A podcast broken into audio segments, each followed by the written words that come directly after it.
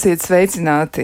Pasaulē sauszemes platības ir patiešām lielas, un liela daļa no tām ir zaļa, pavisam zaļa, jo pasaulē 31% no sauszemes platībām aizņem meži.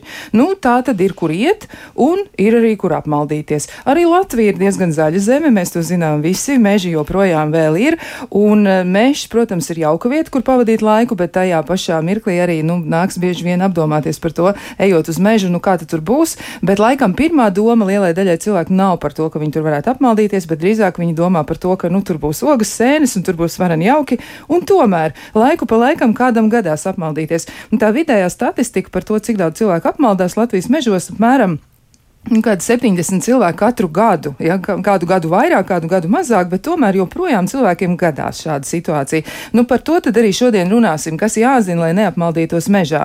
Studijā Kristiāna Lapiņa, pie skaņa pults Mārtiņš Paiglis, un šī raidījuma producenta ir Loreta Bērziņa, bet uzreiz arī par viesiem. Pie mums studijā ir ekskursija uzzini, iepazīsti vadītāju un gida Zaiga Kaira. Sveicināt! Labdien! Un vēl esam aicinājuši studijā arī piedalīties sarunā aktīvā turisma portāla pārgājiena LV vadītāja idejas autoru un gīdu Cernikavas novadā Jāni Zariņu. Sveicināts! Labdien!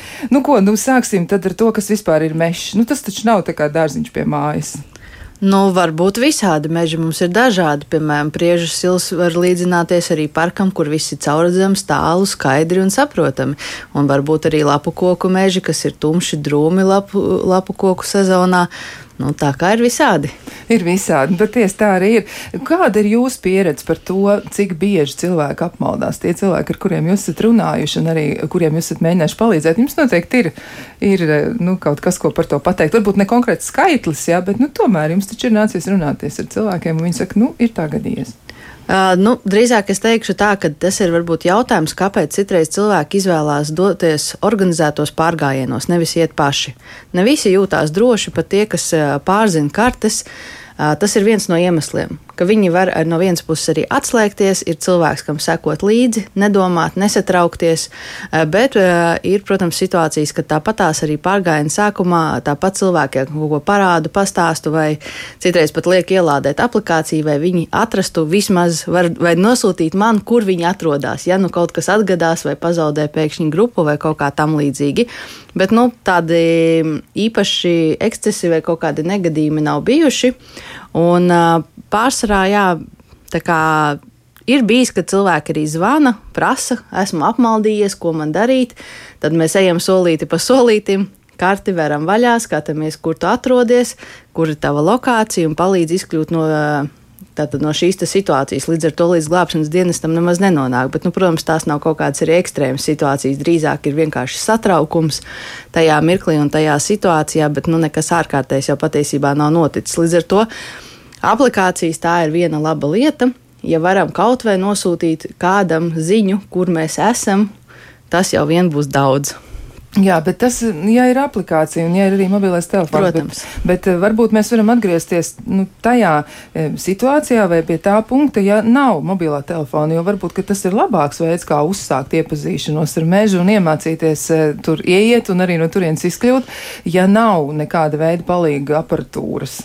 Nu, jo paļauties uz mobilo telefonu, tas varētu būt diezgan nu, riskanti. Kā tad ir? Jānis Zariņam gribu jautāt. Jā, nu man kādreiz augstskolā, kad es sāku studēt geogrāfos, mācīja tā, ja tev ir tas GPS iekārtiņa līdz Gārmins, Tomtoms vai jebkas cits, un tu esi biezā apbūvē vai dziļā mežā un nu, tā, ka tu saproti, ka tu pats debesis īsti neredz, kur nu vēl tā tava iekārta, tad man teica tā, nu ja virs, tavām, virs tavas galvas ir uh, mazāk par trim satelītiem, tad tavai iekārtai īsti jēgas nav, ja viņa nerādīs precīzi. Un, godīgi sakot, ir tā, ka arī ar to pašu telefonu, ieejot mežā, bieži vien var būt tā, ka pat pie nosacījuma, ka viņš ir jauns telefons, viņam GPS tiešām strādā. Var gadīties, ka pēkšņi parāda nevis to punktu, kurā tu esi, un tu visu laiku sekoji līdz tam savam punktam, bet pēkšņi parāda, ka, ah, tu esi pārlecis 20 km tālāk.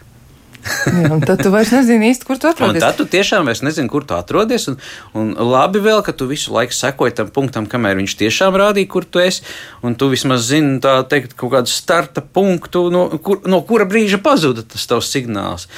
Bet, nu jā, es agrāk ļoti daudz staigāju apkārt ar papīra kartēm, tad tā teikt, biju uztrenējies uz šo visu, un nekad arī tā īsti apmaldījies nekur nesmu. Tikai vienu reizi ejot mežā, izrādījās, ka es eju pa apli un atradu savus pēdus. Bet tas bija tas tik sen. Klasisks, jā, tas bija piemērs. tik sen, un tā bija ziema, un bija ļoti jauki. Bet, nu, principā, jā, es cenšos arī tagad savās ekskursijās un pārgājienos cilvēkiem mazliet pamācīt ar karti strādāt, lai viņi saprot, nu, ko piefiksēt dabā esot. Jo, nu, es teikšu tā, ja tu neesi šīs apgājumas pazinējis, tad bez kartes vai tā paša GPS, nu, labāk tur neej. Jo nu, tiešām nu, nevienam nevajag, ka tevi tagad ugunsdzēsēji mēģinās izvilināt no tā meža ārā, kur tā, kurā tu esi pazudis. Tā kā es iesaku iet tur uz pazīstamām vietām vai kopā ar kādu, kurš pazīst šo vietu vai prot orientēties. Nu, tā tad mēs jau esam nonākuši pie viena svarīga nosacījuma. Vispirms vajadzētu domāt par to, vai to vietu pazīst cilvēks, mm -hmm. ja tad neiet tur, kur viņš nepazīst neko un neko nezina. Un arī labs ieteikums ir iet kopā ar kādu, tad neiet mežā vienam. Ja tas arī ļoti bieži ir sastopams ieteikums, tiešām eh, daudz procentu. Tieši tā, jo. Nu, kaut vai, mm, ko mēs pirms raidījuma minējām par to pašu stresu, nu, divi tā, trijā tomēr nu, nav tas satraukums tik liels, un tad viss kopā saliekot galvas var izdomāt racionāli izēju teikt, no šīs situācijas. Labi, bet pieņemsim, ka cilvēks ir bijis tik ļoti apņēmīgs un rūpīgs un ir padomājis par to, un viņš ir varbūt izdrukājis karti. Nu, kam tad ir jāpievērš uzmanība mm -hmm. kartē? Kas ir tās svarīgākās lietas, ko tur pamanīt, ievērot un par ko ir jādomā? Mm -hmm. Jā, nu tā ir viena lieta, ko es arī gribēju teikt. Pat ja jūs dodaties vietās, ko jūs nepazīstat, nepārzinat, tad uh, labākais veids ir pirms tam ap apskatīties karti, kārtīgi izpētīt, padomāt, un tas ieteikums arī ir droši vien nelietot tikai vienu karti. Pamēģināt paskatīties vairāk, tāpēc ka katrai kartei ir savi plusi, savi mīnusi, kādā redz kaut ko vairāk, kādā kaut ko mazāk. Un patiesībā tās pašas Jāņa sētas kartes drukātā versija, ļoti labs materiāls, ļoti daudz meža taciņas, stigas, ceļi, viss kaut kas ir iezīmēts un var izpētīt. Un, protams, tā galvenā lieta, kas būtu jāskatās, ja jūs plānojat to maršrutu, gribat doties tajā mežā vai šobrīd e, sēņot arī, protams, e, tad ieteiktu pirms tam tomēr apskatīties, kur jūs atstājat to automašīnu vai kur jūsu pietura ir palikusi. Un tomēr e, skatīties kaut kādus orientierus. Ja jūs nogriežaties no taciņas, tad kur viņa palika jums labā vai kreisā pusē? Nu, respektīvi, sekot līdzi, tomēr, lai cik nebūtu aizraujoši meklēt sēnes, bet tomēr mēģināt atrast priekš sevis kaut kādus šos orientierus, ko var atcerēties. Vai tas ir kāds zīmīgs koks līks, vai tas ir kaut kāda taciņa, bet nu vismaz atcerēties, kurā pusē jūs tai taciņā esat. Jā, ko vēl? Es Zaigai pilnībā piekrītu par dažādām kartēm, un es arī savās ekskursijās mācu strādāt ar vairāku veidu kartēm. Viena laba lieta, ko es uh, regulāri lietoju un pārsteidzu savus turistus, ir uh, LVM geo aplikācija kas ir Latvijas valsts meža radīta, kur ir ļoti daudz dažādi datu slāņi, un viens no tiem ir lidera zemes reliefa modelis. Respektīvi, es varu iet pa mežu ar savu, pieņemsim, topogrāfisko karti un neredzēt viņā to, ka, pieņemsim, šeit kaut kādā augurā jau augšā ir veci kara laika ierakumi kas nu, reāli tas ir grāvis, bet uh, kartē tajā liderā es redzu, ka o, garš, garš zigzags. Tad skaidrs ir ierakumi, un tie nevienā tādā klasiskā kartē nebūs redzami, bet visādi šādas bedres ieplakas, kaut kādi bunkuri apauguši, kas vienkārši, tā teikt, te, tas kosmosa stars, tā teikt, izliecās virs tās zemes, un tie šādā atkal slānī ir redzami, re, respektīvi, dari visu un lieto visu, ja tev tās tehnoloģijas pieejamas, lai tu nonāktu līdz tam galamērķim un ieraudzītu maksimāli daudz lietas, kuras apkārt ir. Jā, nu tā tad tas ir jāpiefiksē. Un arī tā ciņa, ja mēs ejam mežā, tad paskatāmies, tur tas koks pa labi. Jā, jā vēl, un vēl viens ieteikums, ja, protams, negribās visu laiku to telefonu lietot, jo jebkura aplikācija vairāk patērē arī telefona bateriju, tad kaut vai atzīmēt, iemācīties kartē atzīmēt kaut vai savu starta vietu vai finišu punktu, kur tev ir jānokļūst. Un tajā mirklī, ja nu tomēr kāda problēma ir gadījusies, ieslēgt un izmantot šo te telefonu maksimāli efektīvi, tātad virzīties vai nu atpakaļ uz savu starta vietu, vai uz vēlamo finišu punktu un izmantot to telefonu tikai tajā mirklī, kad jau ir, teiksim, liekas, ka bišķiņ kaut kas ir nomaldījies no kursa. Tas arī taupīs bateriju un nav nepieciešams ierakstīt visu maršrutu, kā jūs esat gājis. Lai gan maršrutu ierakstīšana ir laba lieta priekš tā, un dzīve ir pierādījusi ar daudziem cilvēkiem runājot pazaudētas auto atslēgas pazaudēts nazītis, vēl kaut kas, ja mantu gribās atgūt, un ja tu esi ierakstījis šo maršrutu, šeit atkal tehnoloģijas patiesībā ļoti, ļoti var palīdzēt. Jā, nu tā tad eh, arī tās, bet eh, kāds tad būtu tas minimums vai arī tā optimālā eh, nu, somas salikšanas versija, ja ko tur vajadzētu ielikt iekšā, kādiem priekšmetiem vajadzētu būt līdz kādām lietām? Nu, mobilais telefons, ja ir, tad noteikti tā, tās uzlādēts, ja droši vien. Un ieteikums arī tā saucamās papildus. powerbankas, jā, jā, jā papil, papildus, papildus baterijas. Lielās, jā, jo, jā, nu tomēr kaut kas gadās, vai mazums jūs aizkavēties mežā, var noderēt kaut vai telefona lukturīts, un tad ir labi, ja ir papildus šīs iekārtas.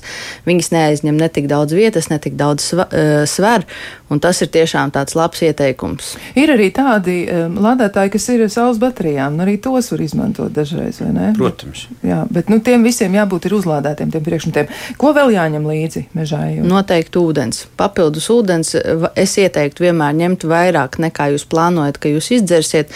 Jo, ja nu kaut kāda problēma gadās, nu mazums kaut vai trauma patiesībā, un jūs netiekat tik ātri ārā no tā meža, vai tomēr jāgaida šī palīdzība, ūdens, un tā ir lieta, kas vienmēr ir jānodrošinās, un nedaudz vairāk nekā jūs esat plānojis, ja vien jūs tiešām neesat iepriekš kartē izpētījis, ka kaut kur ir avoti tūmā vai tam līdzīgi. Nu, Latvijas mežos laikam nebūs tik vienkārši ar tiem avotiem. Nu, tur viņus tiešām ir jāzina. Ja ir jāzina, ir jāzina. Tad tas ir iepriekš jāplāno, jā, bet tāda iespēja arī ir. Tas ir viens no variantiem. Arī kā jūs varat plānot, teiksim, savus uh, rezerves, ņemot līdzi kaut ko īpaši, jūs dodaties tā kā garākā varbūt ceļā un negribat tik daudz mantas nest līdzi. Labi, tātad tas, kas vēl To pašu lukturīti varbūt arī vajag ņemt, jo telefons tad, ja mēs viņu izmantosim, lai kaut ko apgaismot, atkal tērēs to savu bateriju. Varbūt lukturītim tomēr ir jābūt atsevišķam. Nu, lukturīts mums ir bijis tā, ka mūsu pasākumos reizēm ir noderējis pat tad, kad nav bijis plānots. Jā, lukturīts arī ir laba lieta, un patiesībā tiem, kam patīk fotografēt tās pašas sēnes, ogas, lukturīts var noderēt arī fotografiskiem mērķiem. Labi, ko vēl? Ko vēl mēs liekam somā? Mums ir jāņem varbūt arī kaut kādas tādas nu, tās mazās pārtikas rezerves, bet kas ir ar augstu kaloritāti. Arī tādu ieteikumu es esmu daudz kur redzējis. Protams, tas ir ieteicams, bet uh, nu, es personīgi laikam šajā visā stāstā esmu tāds mazliet. Nezinu, protestētājs vai kā. Es uh, bieži vien skatos uz to, ka pārāk daudz lietas līdzi paņemt arī nav labi, jo loģiski, ka tas tev ir jānes un tas tevi mm. nogurdina, bet jā, noteikti ir kaut kāds uh, programma minimums. Un uh, es īpaši gribu likt uzsvaru un atgādināt tos cilvēkus, kuriem ir vai potenciāli var tā teikt, parādīties kādas iespējams viņam arī zināmas veselības problēmas. Tas numur viens būs viņa personīgā aptieciņa. Jo mazums diabētiķis, kuram vienkārši x stundā obligāti vajag to, to tā teikt, insulīnu devu. Mašīnā viņa viņam ir atstāta, bet līdz mašīnai viņš tiešām lūk, apmaldīšanās dēļ nevar tikt. Nu, par to ir, man liekas, vēl vairāk jāpadomā nekā par ūdeni un kaut ko citu. Jo nu, Latvijas apstākļos ogas sēnes varbūt tur vēl nu, kaut, ko tu atradīsi, ar ko ēst vai dzert un ziemā sniegs un tam līdzīgi iespējams, bet lūk, šīs būs lietas, kuras tu mežā diemžēl neatradīsi. Nu, un tad tas būs tiešām varbūt nāvējoši. Jā, nu tā tad arī savu medikamenti. Vai, Jā. ko, ko vēl var darīt? Vai tas arī būtu nu, tā jēgpilni? Arī, man liekas, ļoti bieži ir tas ieteikums nu, kaut kā identificēt sevi. Jā, nu, pa, pašam sev paņemt līdzi kaut kāds nu, vai nu personu apliecinošs dokuments, vai varbūt nu, uz rokas jāuzraksta, kas es esmu, vai somai jāpieliek. Nu, soma gan var kaut kur arī pazust. Kā ar to rīkoties, nu, lai var atpazīt to cilvēku? Viņš jau var arī būt varbūt apjucis, vai viņam tiešām ir panika un ļoti liels nu, stress. Nu, bieži vien jau ir tā, ka tiešām tiekam. Nu, var būt šādas problēmas, ir īpaši ar veselību, un tie paši manis minētie diabētiķi, viņiem jau nereti ir līdzi kaut kāda tāda kā apliecība vai kaut kas, kas, kas tiešām ir, kam ir tiešām jābūt, lai tiešām, ja viņš nokrīt zemē, viņi varētu atpazīt, kas, kas ir viņa noticis. Bieži vien tādas lietas ir. Man viens ļoti labs draugs ir diabētiķis, līdz ar to es uz šo lietu esmu mazliet izdresēts un zinu, ka viņam regulāri ir līdzi šādi lapiņi, uz kuriem ir rakstīts, es esmu tas un tas, un es esmu tāds un tāds cilvēks. Tad, ja jūs mani redzat, lūk, otrā pusē rakstīts, dodiet man tur, nezinu, saldus konfektus un vēl kaut ko. Jā, nu, ja viņš tā... varbūt pēkšņi nevar parunāt tādēļ, ka viņam Jā. sākas kaut kāda šī lēkme. Jā, arī tā. Nu, ko vēl? Ko vēl? Kā ģērbties ejot mežā? Jo cilvēks arī var, nu, piemēram, tāda diena kā šodien būs ļoti, ļoti karsts, un kāds varbūt domā, nu, mežā atradīšu mazliet vairāk vēsumu, kaut gan varētu arī tā nebūt, bet, nu, varbūt par, tā doma ir. Par apģērbu, manuprāt, tā ir viena no tā, tādām vissubjektīvākajām lietām, ko ir ļoti grūti komentēt. Pirmkārt, cilvēkam pašam sevi ir ļoti labi jāpazīst, vai tu esi salīgs, vai tu neesi salīgs, kādas ir tavas, teiksim, kaut kādas, nu, robežas, jo, kā arī minēja, nav jēgas pārāk daudz mantu stiept līdzi. Tas vienmēr nogurdina, apgrūtina. Uh, un viena lieta, kas man laikam būtu tāds ieteikums, īpaši uh, um, varbūt vecāka gadagājuma cilvēkiem, par ko biežāk mēs dzirdam, ka viņi ir apmaldījušies vai viņus meklē, tomēr informēt savus tuvākos, ka jūs kaut kur braucat, ka jūs kaut kur dodaties, jo sevišķi, ja jūs dodaties viens pats. Tomēr, lai tie tuvākie zina, ja nu pēkšņi no jums nav ziņa, vai, vai mazums jūs nevar sazvanīt, lai viņi vismaz zina, ka jūs kaut kur devāties, un vismaz aptuveni virzienu, kur jūs devāties. Jo tā, manuprāt, ir viena no problēmām, kas var radīt arī lieku paniku, ja pēkšņi nevar kādu sazvanīt. Cilvēki mūsdienās ir pieraduši, ka viss ir sazvanāmi, ja pēkšņi kaut kas notiekās, tad tas var radīt arī lieku stresu. Un tāpat laikā, ja kaut kas būs atgadījies, tad tomēr vismaz tie tuvākie zinās, ka varbūt tas ir saistīts ar jums, ja zina kaut vai kaut kādu ziņu. Nu, tas būtu tāds mans ieteikums. Bet par tām mantām Es teiktu, neaizrauties, iepazīt sevi un nesatraukties lieki. Mums tomēr nav tādu ļoti kritisku karstumu, mums nav tik ļoti kritisku augstumu. Un patiesībā, nu, ja jūs nepārzinat tik labi dabu, droši vien jūs mīnus 25 grādos tāpat ārā neiesiet. Jā, līdz ar to. Un mežā tomēr nu, kādu ēnu jūs vienmēr atradīsiet. Bet var gadīties visādi. Var jau gadīties arī tā, ka cilvēks tiešām ir apmaldījies, viņam telefons ir izlādējies, viss ir pagalam, nekā viņš nevar sev pats palīdzēt, kartes viņam nav, ir iestājies apjukums un viņš paliek mežā.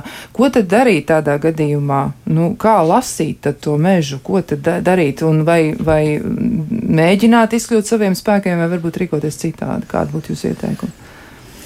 Es ieteiktu, droši vien, pirmais ir mēģināt saklausīt, vai jūs kaut ko nedzirdat, vai mašīnas skaņas, vai kaut kādas suņurejas, nu, kaut kādas skaņas. Jo tomēr, ja, ja jūs tā kā dodaties mežā, tad droši vien ir jāizvērtē, cik jūs tomēr labi orientējaties. Ja jūs pats par sevi zinat, ka varbūt neesat tik labs, tad varbūt nemeklēt gluži to tumšāko meža nostūri, kur galīgi nekā nav tūmā.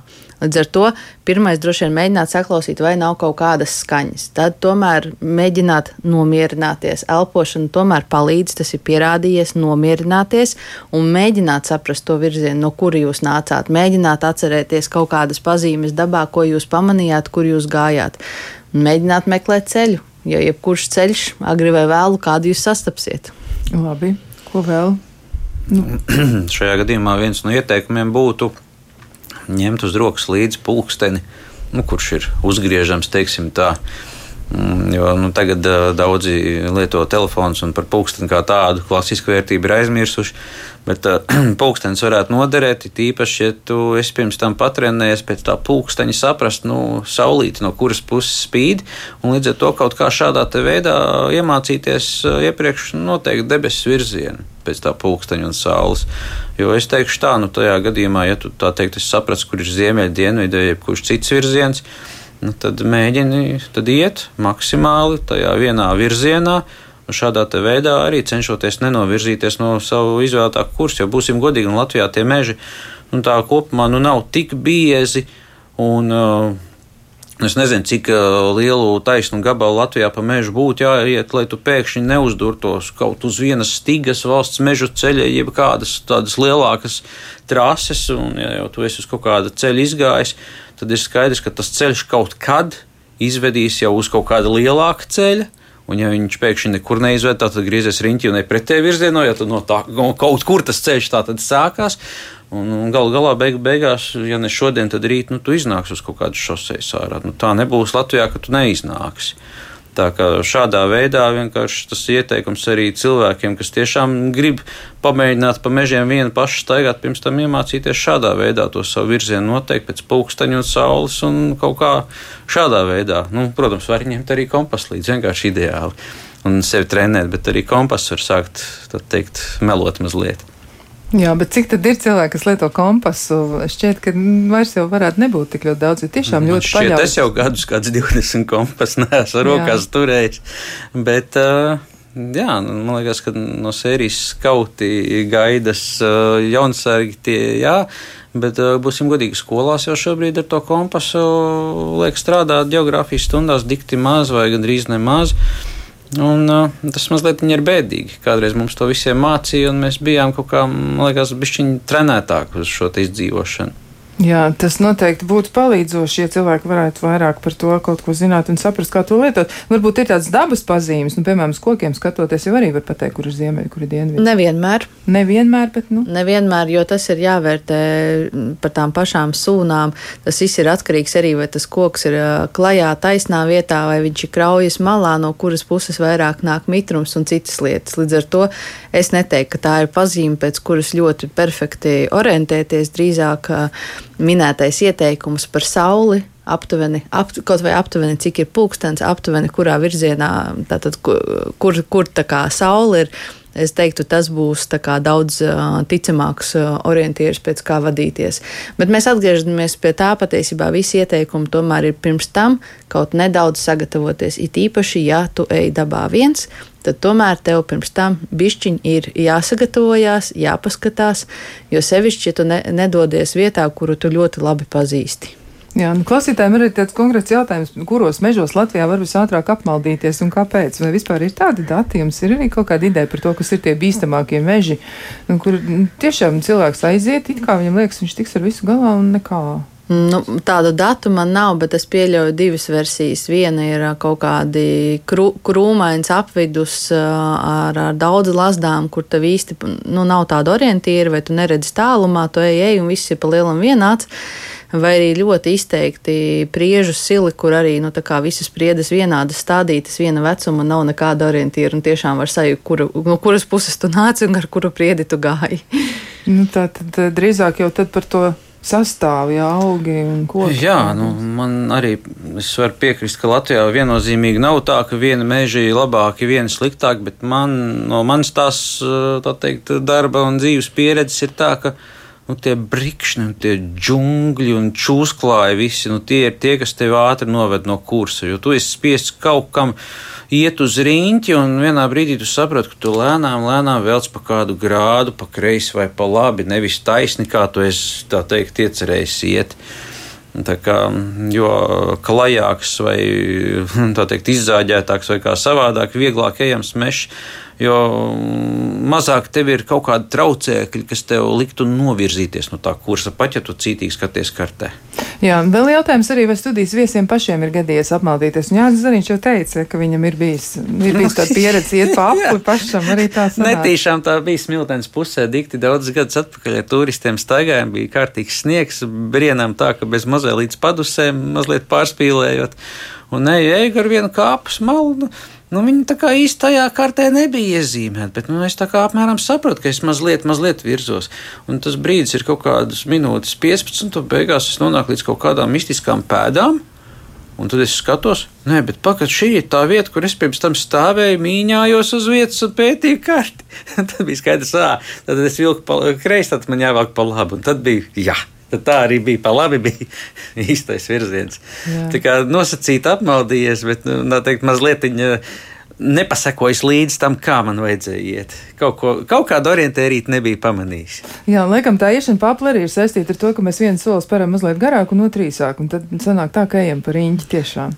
Iespējams, jā, tā var gadīties. Um, man pašai tā īsti nav sanācis apmaldīties, jo lielākoties tomēr es tiešām arī pētu to apvidu, kur pirms tam es dodos, it sevišķi, ja tas ir pirmo reizi. Uh, Nu, kaut kādas varbūt mazi misēkļi ir bijuši, bet līdz šim kā, šīs te tehnoloģijas ir tā lieta, kas ir uh, palīdzējusi. Bet, kā arī minēja, tāpatās nevar simtprocentīgi uz to paļauties.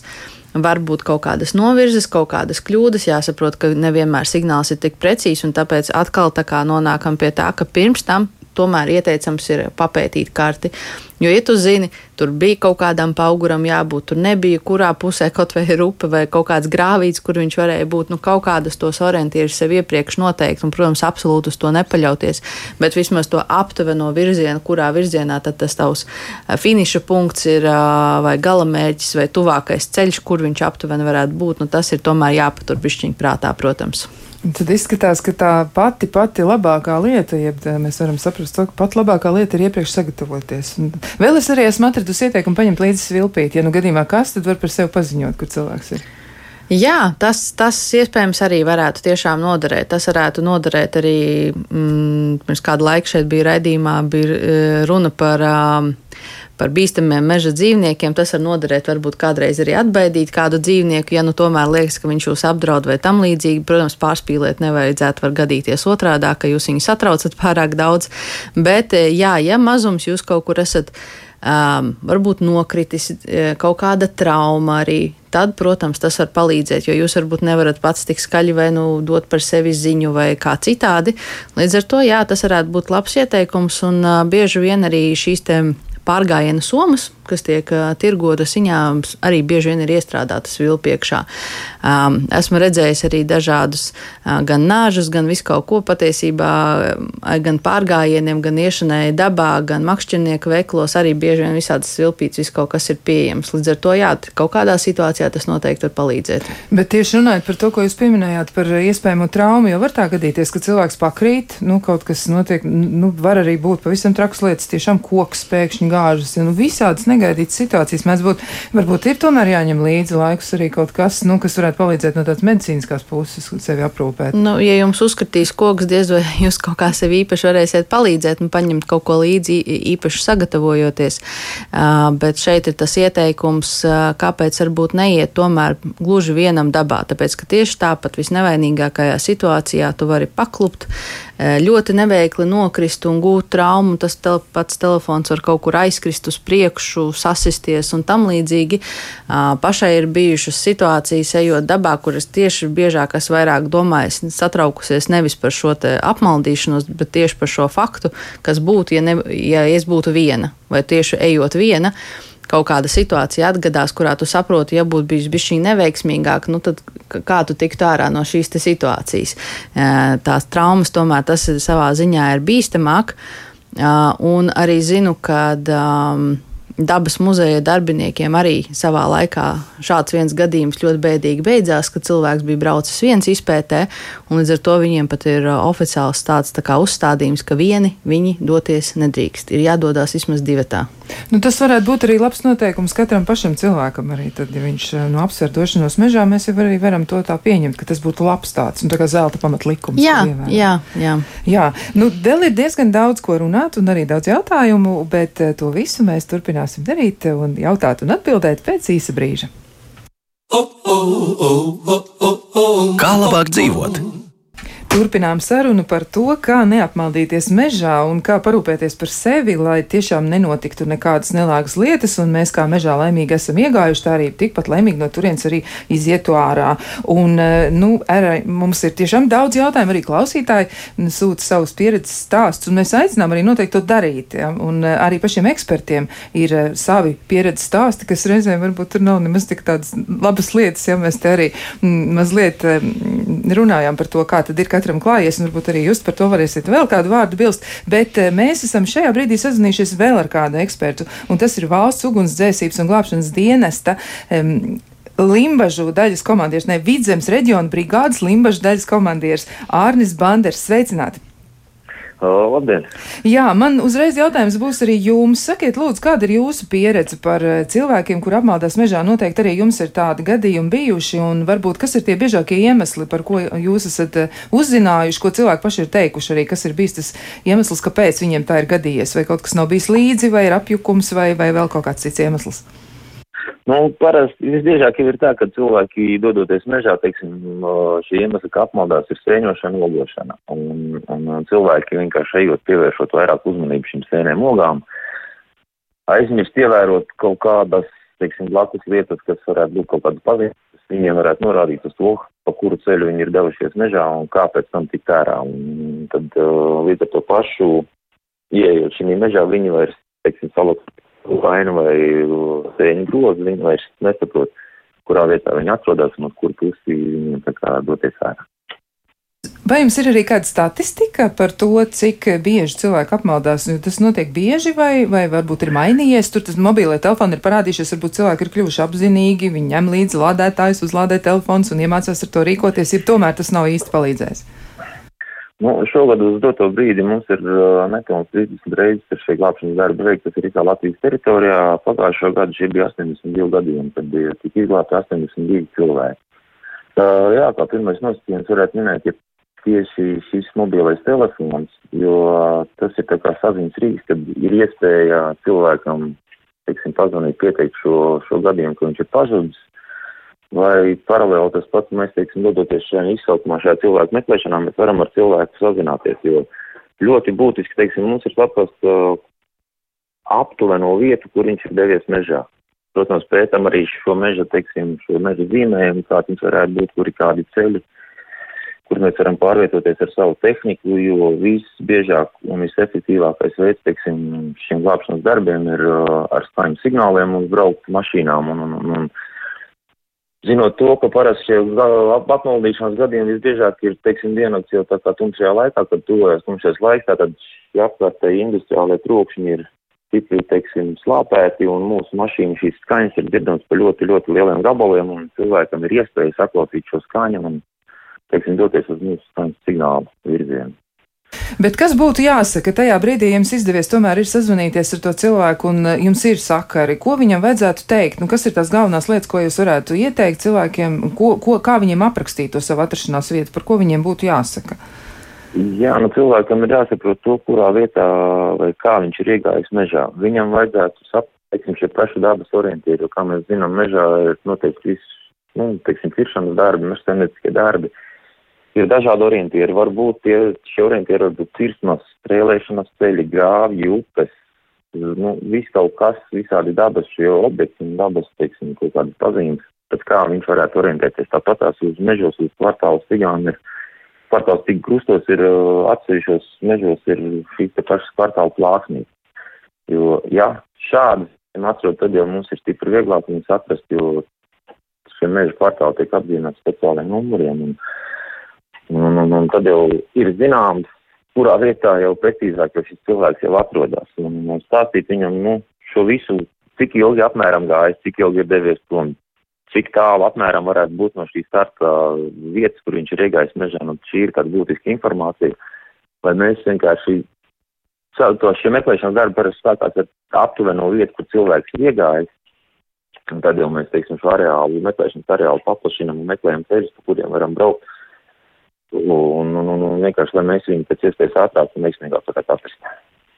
Man arī pirms jautājuma, pirms nu, nākamā jautājuma es uzdodu, man ienāca prātā, vai arī jūs izmantojat paši kādas modernas tehnoloģijas, lai meklētu cilvēkus, nu, piemēram, dronus tagad izmanto laikam gandrīz visur, gan lai filmētu kāzas un darītu vēl kaut ko, varbūt jūs arī izmantojat meklēšanā, kā ir? Jā, nu, uz, uz, uz, uz šobrīd jau mūsu rīcībā arī droni ir. Uh, jā, nu cilvēkiem droši vien tas ir jāņem vērā, jo dronam ir specifiski dūkoņi. Nu, cilvēks šo dūkoņu, nu, ja viņš būs mežā, viņš šo dūkoņu atšķirs.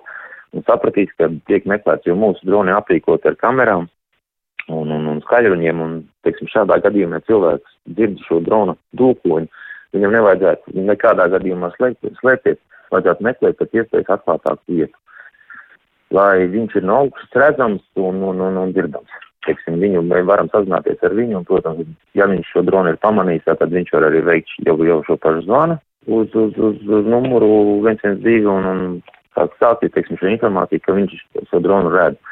Un ja jau mēs saprotam to, ka viņš pie dronā ir, tad mēs varam vai nu sūtīt cilvēku kādu virzienā uz dronu un, un, un atrast viņu, vai, vai nu, metodas ir dažādas, kā mēs varam šim cilvēkam palīdzēt. Labi, vai vēl ir kāds ieteikums arī? Nu, tā tad jāzvan ir uz 112, bet kurā brīdī to labāk darīt? Jo ir jau cilvēki, kas varbūt nu, cer paši uz savu apņēmību un uz veiksmi, viņam šķiet, nu tad tagad es mēģināšu, mēģināšu, mēģināšu, un tikai tad viņš atstāja to kā pēdējo iespēju. Ko jūs ieteiktu? Vai gaidīt, vai tomēr tajā brīdī, kad cilvēks saprot, ka viņš ir apmaldies, varbūt tad viņam arī vajag uzreiz arī zvanīt?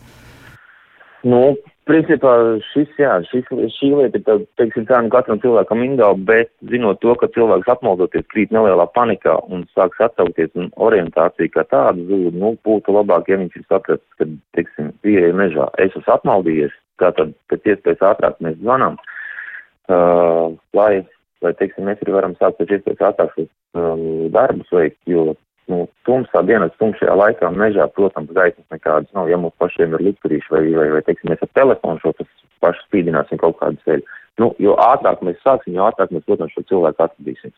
Vēl kas ir cilvēks, teiksim, apmaldoties, jūt, ka atmaldies, viņš satraucies. Nu, mierīgi apsēsties, nomierināties, bez kāda satraukuma, bez ko vienkārši kādu laiciņu pasēdēt, apdomāt, kur es nācu, kā es nācu, ko es redzēju, un, un, un tad jau atkal var sākt šetināt kaut kādu šo ceļu, bet nekādā gadījumā šo nevajadzētu veikt tādu haotisku, teiksim, skraidīšanu vai staigāšanu pa mežu, jo, nu, tas var ievest mūs vēl dziļāk mežā.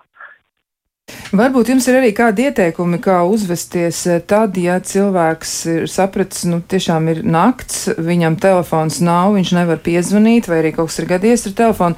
Kā pārlēst nakti mežā? Varbūt ir kādi ieteikumi arī no jūsu puses, jo jums noteikti ir liela pieredze ar cilvēkiem, ko jūs esat atraduši arī dažādā diennakts laikā un dažādās situācijās. Varbūt ir kas tāds, ko ir jāņem noteikti vērā. Nu, jā, nu, droši vien noteikti vērā jāņem ir tas, ka mēs mums dodoties jau uz mežu ir jāpaņem jau kaut kāda zināma pirmā palīdzība līdzi, ja mums pastāv risks, kad mēs varam ap, apmaldīties.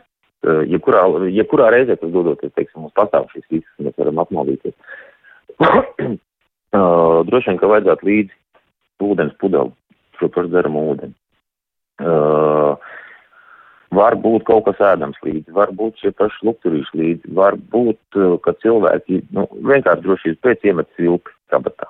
Jo zinot, teiksim, ja cilvēks būs atmaldījies, ja kurā gadījumā reaģēs viņa tūlinieks, reaģēs kaut kādi paziņas, kas zinās, ka viņš ir kaut kur devies vai ka viņš nav mājās, tad, nu, tiks sākt ātrāk vai vēlāk šī meklēšana tiks uzsākt. Un ja cilvēkam, teiksim, šīs primārās vajadzības šo, kas padzerties, kaut ko apēst, viņš sev varēs nodrošināt, tātad viņš arī varēs ilgāku laiku šajā mežā, teiksim, nevis, nu, nevar teikt droši pavadīt, bet, nu, teiksim, šī izdzīvošanas iespēja būs stipri ilgāka un stipri, stipri labāk. Protams, ejot mežā ir jāaptver arī šis pats faktors, kad mums ir rodi dunduri. Apģērbam vajadzētu būt tādam, lai mums cauri nekož, jo savādāk mēs tiksim, nu, tāda nepatīkama sajūta, gan tā ir tikai šī odi dunduri, ka mums kož, bet, nu, arī šis būtu jāparedz, kad, lai mēs varam, teiksim, pārlēst šo pašu nakti mežā, ja tāda nepieciešama mums rodās. Jā, bet tad galvenais kopsavilkums tiešām ir par to, ka tikko kā saprotam, ka, ka kaut kas nav labi, tad droši vien nu, tiešām jāmēģina uzreiz arī saukt palīgā kādu jā. no jums, jā, jūs kolēģi. Protams, šis pa, šis pat zvans uz 112 un tad jau, teiksim, uh, tieši šiem glāb, glābšanas darba vadītājiem tiks novirzīts šis cilvēka numurs, un mēs uz vietas brauksim, meklēsim, zvanīsim, nu, ja, protams, telefonam mums baterija būs. Nu, nosacījumam arī vajadzētu būt tā, ja mēs dodamies uz mežu uzlādējam telefonu, lai baterija mums ir pilna, jo vienkārši šādu nelēmu gadījumā mums šī komunikācija ir ļoti, ļoti, ļoti nepieciešama ar cilvēku, lai mēs saprastu, ko viņš ir redzējis vai kur viņš ir bijis. Jo dažādi dienas cilvēki mums ir iesaistām šajos glābšanas darbos, tāpat tās, teiksim, šie paši meža dienas darbinieki, kas savus šīs apgaitas uh, zina vislabāk. Nu, viņi zinās katru grāvu, katru vietu, un ja cilvēks mums sāk stāstīt par kaut kādiem šiem meža specifiskiem kaut kādiem vai nu ceļu, tur mežā varbūt vēlēšanas vai, nu, visādi, visādas lietas var būt, un, teiksim, tikpat labi ar meža dienas cilvēks jau saprot, kurā vietā viņš varētu būt šis cilvēks. Tā kā šie resursi, teiksim, ko iesaistam, nepieciešamies gadījumā ir lieli, un, un, un, un, un teiksim, šie glābšanas darbi nereti, nu, arī mēdz būt, teiksim, ilgi, lai šo cilvēku izglābtu izvest no meža. Jā, paldies jums par sniegto informāciju un eh, tiešām ceram arī, ka jums nebūs daudz jāsaskars ar eh, apmaldījušamies cilvēkiem un eh, šāda pieredze būs aizvien mazāk un cilvēki spēs paši tikt ar to galā un arī varbūt ievēros visu to, ko jūs sakāt un tas laikam mums visiem arī tad palīdzēs. Paldies jums liels un jā, jā tad visu labu un, un mēs visu no jums, labu. jā, šajā brīdī mēs no jums atvadāmies un atgādināšu arī, ka mēs nu pat runājamies ar valsts uguns dzēsības un glābšanas dienesta Vidzemes reģiona brigādes Limbaža daļas komandieru Ārni Banderu. Bet ar eh, studijā esošajiem viesiem varbūt mēs varam nedaudz paturpināt to daļu par to, kā tad ir, ja paliek cilvēks mežā tomēr pa nakti, ko viņam darīt. Nu, kā viņam varbūt viņam ir iespēja izveidot tādu mazu patvērumu, ja nu gadījumā tā ir sanācis, un viņš, piemēram, jūt, ka viņam ir tik liels nogurums, ka viņš nespēja tālāk aiziet. Kā to izdarīt? Manuprāt, tāda vieglākā, vieglākais patvērums ir egli. Zem jebkuras eglis principā ir diezgan sauss, samērā silts, it īpaši ziemā. Un tur ir diezgan maz visi sādu citu grūžu, izņemot skuju, kas tev varētu traucēt dzīvot uz to brīdi. Un, jā, zem kaut kāda tāda koka krūma patiesībā jau būs tīri labi un varēs to nakti pārlaist. Bet es vienmēr Vienmēr, vienalga, vai tas ir silts vai augsts laiks, es noteikti ņemu līdzi kaut kādu rezerves jaku, rezerves bikses. Pats vienmēr pa mežu un pašā ikdienā garās biksēs pārvietojos, jo kā arī kolēģis no, ugundzēs, no valsts ugunsdzēsības glābšanas dienas teica, un tieši tā sāksies sodi, ērces, dunduri un tam līdzīgi. Te jau pirmkārt tev sāks diezgan traucēt dzīvot tajā mežā, otrkārt, nu jo vairāk dažādi faktori, kas tev liek justies nērti un rada papildus stresu, jo lielāka iespēja ir, ka tu tiešām sāks apjukt un kritīs kaut kādā panikā vai bezcerībā un beig beigās. Tu pat nes, ne, neturpināsi sevi glābt un vest ārā no meža. Vienkārši cilvēks var tur palikt un, atklāt sakot, nomirt arī. Jā, nu traki tas kādreiz arī var tiešām būt ļoti, ļoti grūti. Nu, nav, nav viegli tā sevi fokusēt uz pašu izglābšanu. Jā, nu tāpēc jau tas ieteikums arī bija, ko, ko es iepriekš minēju un ko arī tikko teicu, tas ir tas mēģināt sevi tomēr saņemt rokās, vai elpot, vai apsēsties, vai kā citādi un nomierināties. Jo bieži vien uz pirmo mirkli tā situācija varbūt liekas trakāka nekā viņa ir. Un es teiktu, ka nu, uzreiz gluži 112 varbūt tiešām nevajadzētu zvanīt no tā viedokļa, teiksim, netērēt varbūt arī lieku šo resursu, bet vismaz tiešām sākumā pasēdēt pašam un nomierināties, jo citreiz tā nomierināšanās un tā sevis saņemšana uh, varbūt jau ir izcinājums. Un tu patiesībā saproti, nav tik traki sāc skatīties un kad viss nav bezcerīgi. Protams, ir objektīvi jānovērtē, kad tu saproti, nu, ka nē, tev nekas nepalīdz. Bet galvenais ir tiešām tā kā um, nekristē panikā, jo, lai kā nebūtu, nu, cilvēks tomēr bez, bez uh, ēdiena var nodzīvot gana ilgi. Un, ja vien tiešām neesat devušies, kad ārā ir mīnus 25 vai tam līdzīgi apstākļi, jo sals varētu būt li li lielāka problēma nekā vasarā, apmaldīties. Līdz ar to nu, ir jāsaprot, ka nu, Latvija nav tik liela, meži mums nav gluži bezizmēra džungļi, un nu, cilvēks pietiekoši ilgi var iztikt bez šiem te arī pārtiks krājumiem. Līdz ar to neķert par to paniku un saprast, ka paspējas atrast un viss būs labi. Jā, bet vēl arī par to saziņu, savstarpējo saziņu mežā. Jo citreiz ir arī tā, ka vairāk cilvēku dodas uz mežu, piemēram, nu, ģimene dodas uz mežu, jā, un tad ir arī bērni, kas ir varbūt eh, jaunāki eh, cilvēki, un viņiem nav tik liela pieredze, viņi nav ne skauti, ne gaidas, viņiem nav tur specifiskas zināšanas. Ja, tad kā to saziņu organizēt, lai savstarpēji mēs viens otru nepazaudējam? Es esmu dzirdējis tādu ieteikumu, kas man liekas ļoti labs, nu, tā kā neļaut aiziet otram tālāk, es viņu neredzu. Jā, tas arī būtu galvenais nosacījums. Tā, tas ir nosacījums arī pārgājienos, dodoties, teiksim, vidē, kas varbūt nav tik pāredzama sekot līdzi, kuri pārējie grupas biedri. Vismaz vienu, vismaz vienu paturēt acīs, izvēlēties vienu, kuram sekot, ja neredz vienmēr varbūt grupas vadītāju vai kā tam līdzīgi. Šeit var noderēt arī ieteikumus varbūt par košāku apģērbu, ja jūs esat vairāk, un ja tiešām tā, tā grupiņa vai jūs kā seņotāji, jogotāji bišķiņi tomēr, nu, protams, paklīstat viens no otra, tad koša jaka, košs apģērbs. Pirmkārt, uz tā varēs labāk redzēt arī tās pašas ērces, un otrkārt jūs esat pamanāmāki gan glābējiem, gan jūsu ceļa biedriem.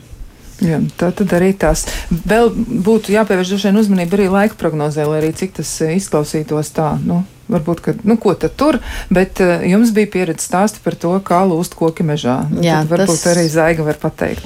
Jā, nu man tā pieredze ir tāda, ka. Um, Vētras laikā mežā tomēr atrasties nevajadzētu, jo, lai cik mēs rūpīgi neskatītos dabā, koki lūst vētrā ļoti ātri, ļoti ātri krīt un īsti izvairīties varbūt jūs nepaspēsiet. Līdz ar to es teiktu, tā trakākā lieta tiešām tā ir vētra. Vētras prognozēm vajadzētu sakot līdzi. Citi apstākļi, manuprāt, nav tik bīstami. Nu, varbūt ļoti spēcīgs, ilgstošs lietus, tas drīzāk var radīt šo diskomfortu, varbūt nosalšanu, kas ir bīstama. Bet citādi, citādi es teiktu, ka nē, es īpaši neieskatos laika prognozēs. Bet man liekas, viena lieta, ko mēs nepateicām, mēs nepateicām, ka vajag sērkociņus vai šķiltaps līdzi. Jo šķiet, ka diezgan maz cilvēku varētu paši iekurt uguni, ja nu gadījumā ir gadījies tā, ka tur paliek mežā panākt. Nu, jā, to var ņemt līdzi. Tas var noderēt. Un, nu, tā izdzīvošana ir primārais numur viens, protams, arī ugunsbīstamības periodā. Bet, jā, paturpinot to, ko jūs jau ar Zaigu pirms tam minējāt, man savulaik arī par šo neapmaldīšanos mežā. Mēs ar vecumām kādreiz ļoti daudz gājām sēņot, un tad, jā, viņi vienmēr ir Mēs vienmēr gājām uz mūsu mežu, kuru mēs it kā pazinām, un tāpat viņi vienmēr uh, vēroja, vai es esmu tūmā, un mēs vienmēr sasaucāmies, un tajā brīdī, uh, kad nu, tur, teiksim, to sēņu vairs īsti nebija, tad mēs vienojāmies, ka no sērijas nāc uz manu pusi, iesim tālāk. Nu, šis ir ļoti svarīgi, jā, vienmēr vienam otru paturēt redzeslokā. Un uh, par to koku lūšanu arī, jā, nu, man arī reiz bija gadījums, gadus, nu jau Nu, jau 11 atpakaļ, kad mēs gājām no Madonas uz Lubānu pa demontēto dzelzceļa līniju, mums tiešām uznāca tāda vētra, ka stunda pūta vienā virzienā. Un, Un mēs redzējām, kā koki lūst, un metrus kādus 200, 300 uz priekšu. Kad mēs pēc tās vētras sākām iet, bija brīdis, kur, nu, nu nepārspīlējot kādas 20 apses visas vienā virzienā pār to dzelzceļa tik bija pārkrituši. Un tagad mēs spriedām, kas būtu noticis, ja mēs būtu šos pārsimt metrus uz priekšu, nevis palikuši šajā mazajā klajumiņā, kur par laimi mums nekas uz galvas nekrita. Jo, ja pirms tam mums bija temps kaut kāds 6, 6,5 km/h, tad tagad mums bija temps pusotras km divās stundās. Jo vienkārši visu laiku milzīgs zāru koku muģeklis, kuram ir jālaužās brutāli cauri. Jā, nu tas ir tiešām tāds ļoti būtisks izaicinājums un ļoti negaidīts situācijas. Ja? Nu, tātad, un jūs jau arī nu, bijāt tajā brīdī mežā, ja zāģi? Jā, jā nu, vienkārši arī centāmies tajā mirklī vienīgais, ko mēs saprotam, ka mēs varam izdarīt, ir saprast, kur ir tuvākais klajums kā ātrāk pa īsāko ceļu tikt vienkārši ārā no tās vietas, kur ir šie koki. Jā, vēl arī klausītājiem ir ieteikumi par profilaksi savā ziņā. Ja? Viņi ļoti, ļoti tiešām ir labi, man liekas, vienmēr spējīgi formulēt savas domas, un ļoti labi komentāri ir no klausītājiem. Un arī šis ir ļoti vērtīgs komentārs, manuprāt. Un klausītājs rakstā, labrīt, nevajag vienkārši būt negausīgiem. Neviens normāli nesēņo visu dienu, tad tas ir viens ar divām, trim stundām pilnīgi pietiek, lai salasītā zaidam. Nevajag iet uz meža vakarpusē, kad mežā kļūst tumšāks un arī sēnes vairs nevar tik labi redzēt. Un, tiešām arī tas ir, man liekas, ļoti vērtīgs ieteikums. Un vakaros sākas zvēru laiks mežā, kas var jūs papildus nobaidīt. Starp citu, vidzemes mežos ir savairojies daudz vilku. Mm, jā, eksperti saka, ka vilki ir visā Latvijā. Un arī vidzemē, un mednieki no 15. jūlija veic īpašu vilku medīšanu. Pirms nedēļas netālu laukos mednieks vakarā nošāva vilku četru suņu lielumā. Tā ka nevajag pa mežiem apkārt daudz blandīties, ja tā skaidri un gaiši arī klausītājs raksta, un sēnes jau nav vienīgais gardums, ar ko mieloties, un zināsim mēru. Nu, savā ziņā tiešām ļoti labs ieteikums, un eh, droši vien arī šis, ja, šis eh, nosacījums par to, ka neiet mežā pašā, pašā pēcpusdienā vai vakarā, tas arī varētu labi noderēt. Jā, paldies, paldies jums par ieteikumiem, paldies par to, ko jūs izstāstījāt, un tiešām tās ir tādas vērtīgas lietas. Un laikam pats svarīgākais, ko es sapratu no tā visu, ko jūs stāstat, ir vispirms ir kārtīgi jāsagatavojas. Paldies, paldies eh, ekskursiju uzzini iepazīsti vadītāju un gidēju Zaigai Kairai un arī aktīvā turismu portāla pārgājienu LV vadītājiem idejas autoram Gīdam Cernikams novadā Jānim Zariņam. Un atcerieties arī, ka jūs varat doties pie šiem cilvēkiem, lai iemācītos kaut ko vairāk par mežu. Lai jums tiešām izdosies diena, ja nu gadījumā jūs savu nedēļas nogalu pavadīsiet mežā, tad sagatavojieties iepriekš. Ar jums kopā bija Kristiāna Lapiņa, un mēs tiksimies kādā citā reizē. Bet pirmdien, pirmdien jau būs atkal temats par lauksaimniecību. Lai jums tiešām viss izdodas!